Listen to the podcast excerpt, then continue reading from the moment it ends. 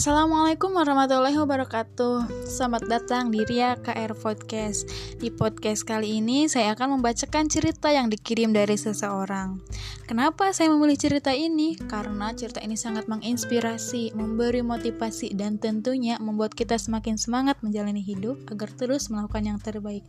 Oke, tanpa berlama-lama lagi langsung saja kita bacakan ceritanya.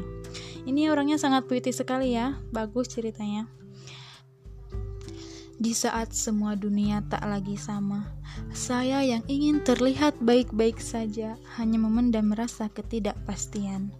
Kala itu, saat saya sedang duduk di bangku SMP, terlihat tulisan dalam pamflet lomba puisi antar sekolah. Di sini saya mencoba untuk memaksimalkan karya-karya puisi saya. Ya, meskipun tidak begitu bagus. Hehe. Hari pendaftaran tiba, saya yang daftar bersama kawan saya yang meskipun itu menjadi saingan sastra saya. Kami mengikuti seleksi dengan segala persyaratan yang begitu rumit. Seperti sedang berjalan dengan rumit sekali. Akhirnya, saya lolos seleksi dengan karya puisi yang berjudul Dikala Kau di, di Sisi Ini. Meskipun tidak begitu bagus ya, setidaknya saya bisa mewakili sekolah. Hari penantian pun tiba, saya diantar oleh dua orang guru bahasa saya ke perlombaan itu. Saya begitu ambisius dengan perlombaan ini. Bagaimana tidak? Saya begitu menanti-nanti hari ini. Ketika perlombaan, saya berpikir puisi apa yang cocok dengan rasa tenggang dengan rasa tegang juga tak karuan. Pikiran ini seakan melayang entah ke mana. Akan tetapi, saya mencoba menenangkan pikiran. Saya mencoba seakan saya sedang duduk sembari menikmati kopi dan senja. Ah, nikmatnya.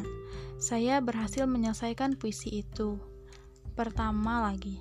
Tetapi, ketika saya mengumpulkannya, panitia seakan menolak, tiba-tiba terdengar.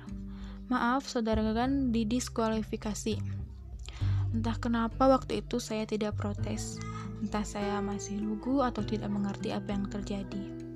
Guru saya yang protes kenapa saya didiskualifikasi dengan alasan yang begitu nyeleneh. Saudara Gagan menyontek ke buku. Sontak hati saya begitu sakit. Ada apa ini? Ketika saya sangat ambisius ingin memenangkannya, halangan yang begitu besar tetaplah ada. Hati ini sakit, sakit sekali. Seakan saya tidak mau mengenal puisi lagi. Ketika sampai rumah, saya menangis pasrah sembari memikirkan apa yang terjadi. Saya tidak mengerti. Dalam hati saya berjanji kalau saya tidak mau berpuisi lagi. Hari demi hari saya lewati dengan tidak menyentuh apa itu puisi. Namun, sewaktu masuk SMA, rasa rindu untuk menulis semakin menjadi-jadi. Akhirnya, saya berpuisi kembali, namun untuk sekarang, puisi saya hanya konsumsi pribadi. Puisi demi puisi saya tulis, namun saya berpikir, kenapa puisi ini hanya untuk saya seorang, padahal puisi saya tidak sejelek mantan. Ya, sewaktu saya membuka Instagram, ada pamflet dari salah satu sekolah tinggi yang mengadakan lomba puisi. Pikiran tidak mau saya mengikuti nya karena takut kecewa lagi. Namun hati ini memaksa untuk saya membuktikan karya saya. Akhirnya saya memberanikan diri untuk daftar. Namun saya tidak membaca temanya. Ternyata ada temanya toh.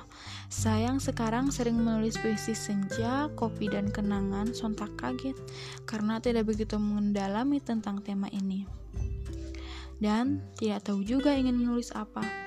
Akhirnya, waktu senggang saya membuat puisi tersebut dengan judul Menata Impian. Saya kirim puisi tersebut. Saya tidak begitu berharap untuk memenangkannya, toh saya juga tidak mendalami temanya. Pada saat pengumuman, tak kusangka nama saya ada di 20 besar puisi terbaik. Begitu bangga saya dengan diri saya yang ingin keluar dari zona nyaman saya, lebih tepatnya terbelenggu oleh masa lalu. Ketika kau kecewa, jangan berpikir kau gagal. Berjuang, kalahkan rasa sakit itu hingga senja menatapmu sembari tersenyum. Wow, sangat menginspirasi sekali ya ceritanya. Terima kasih telah mendengarkan episode episode Ria KR Podcast minggu ini. Jika kalian ingin kisahnya diceritakan di podcast ini, silahkan hubungi ria.hairani30 at gmail.com. Wassalamualaikum warahmatullahi wabarakatuh. Bye-bye.